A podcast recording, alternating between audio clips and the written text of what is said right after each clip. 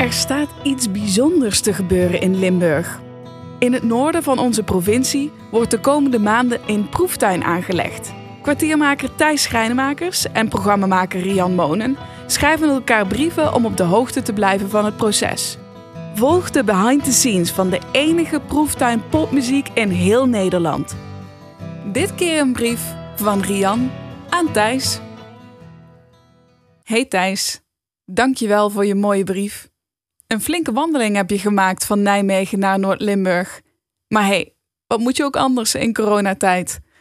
Mijn stappenteller denkt al maanden dat ik hem aan mijn hamster heb gegeven. Te gek dat het Limburgse Noorden popmuziek tot speerpunt kiest. Een unicum voor Nederland. Hebben we dat eigenlijk al van de daken geschreeuwd? Moeten we onze Limburgse bescheidenheid eens even aan de kant zetten? Of wordt er eerst achter de schermen van alles ontwikkeld, zodat daarna heel Nederland overdonderd kan worden?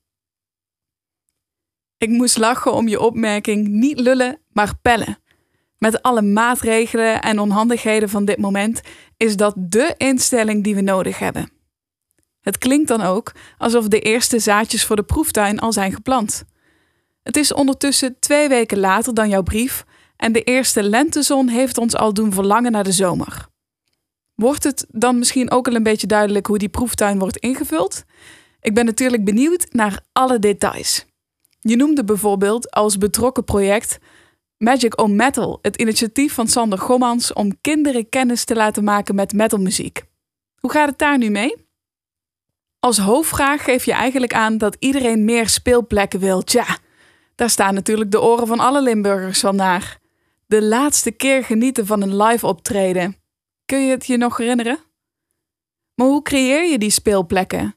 En al helemaal in deze tijd. Het aantal kleine podia werd al minder. Of ga je me nu vertellen dat die gewoon allemaal in Noord-Limburg geopend zijn? Want dan start ook ik nu met lopen. Het van elkaar leren is misschien nog wel je belangrijkste punt. Is er misschien iets dat je nu al ziet gebeuren in de proeftuin, dat eigenlijk al meteen in de andere regio's ook kan worden toegepast?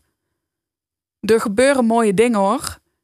In Landgraaf, bij de oefenbunker, zijn ze bijvoorbeeld bezig met de sound van Parkstad. Heb je dat gehoord? Ze proberen zoveel mogelijk mensen een muziekfragment te laten uploaden om zo een ketting te maken van alle muziekfragmenten uit de regio. Een aantal producers gaat daarmee aan de slag. Is dat iets dat ook bij jullie speelt? Ik hoop dat het goed met je gaat en dat je de eerste fouten al hebt gemaakt, maar ook weer opgelost. Houd je me op de hoogte? Groetjes, Rian.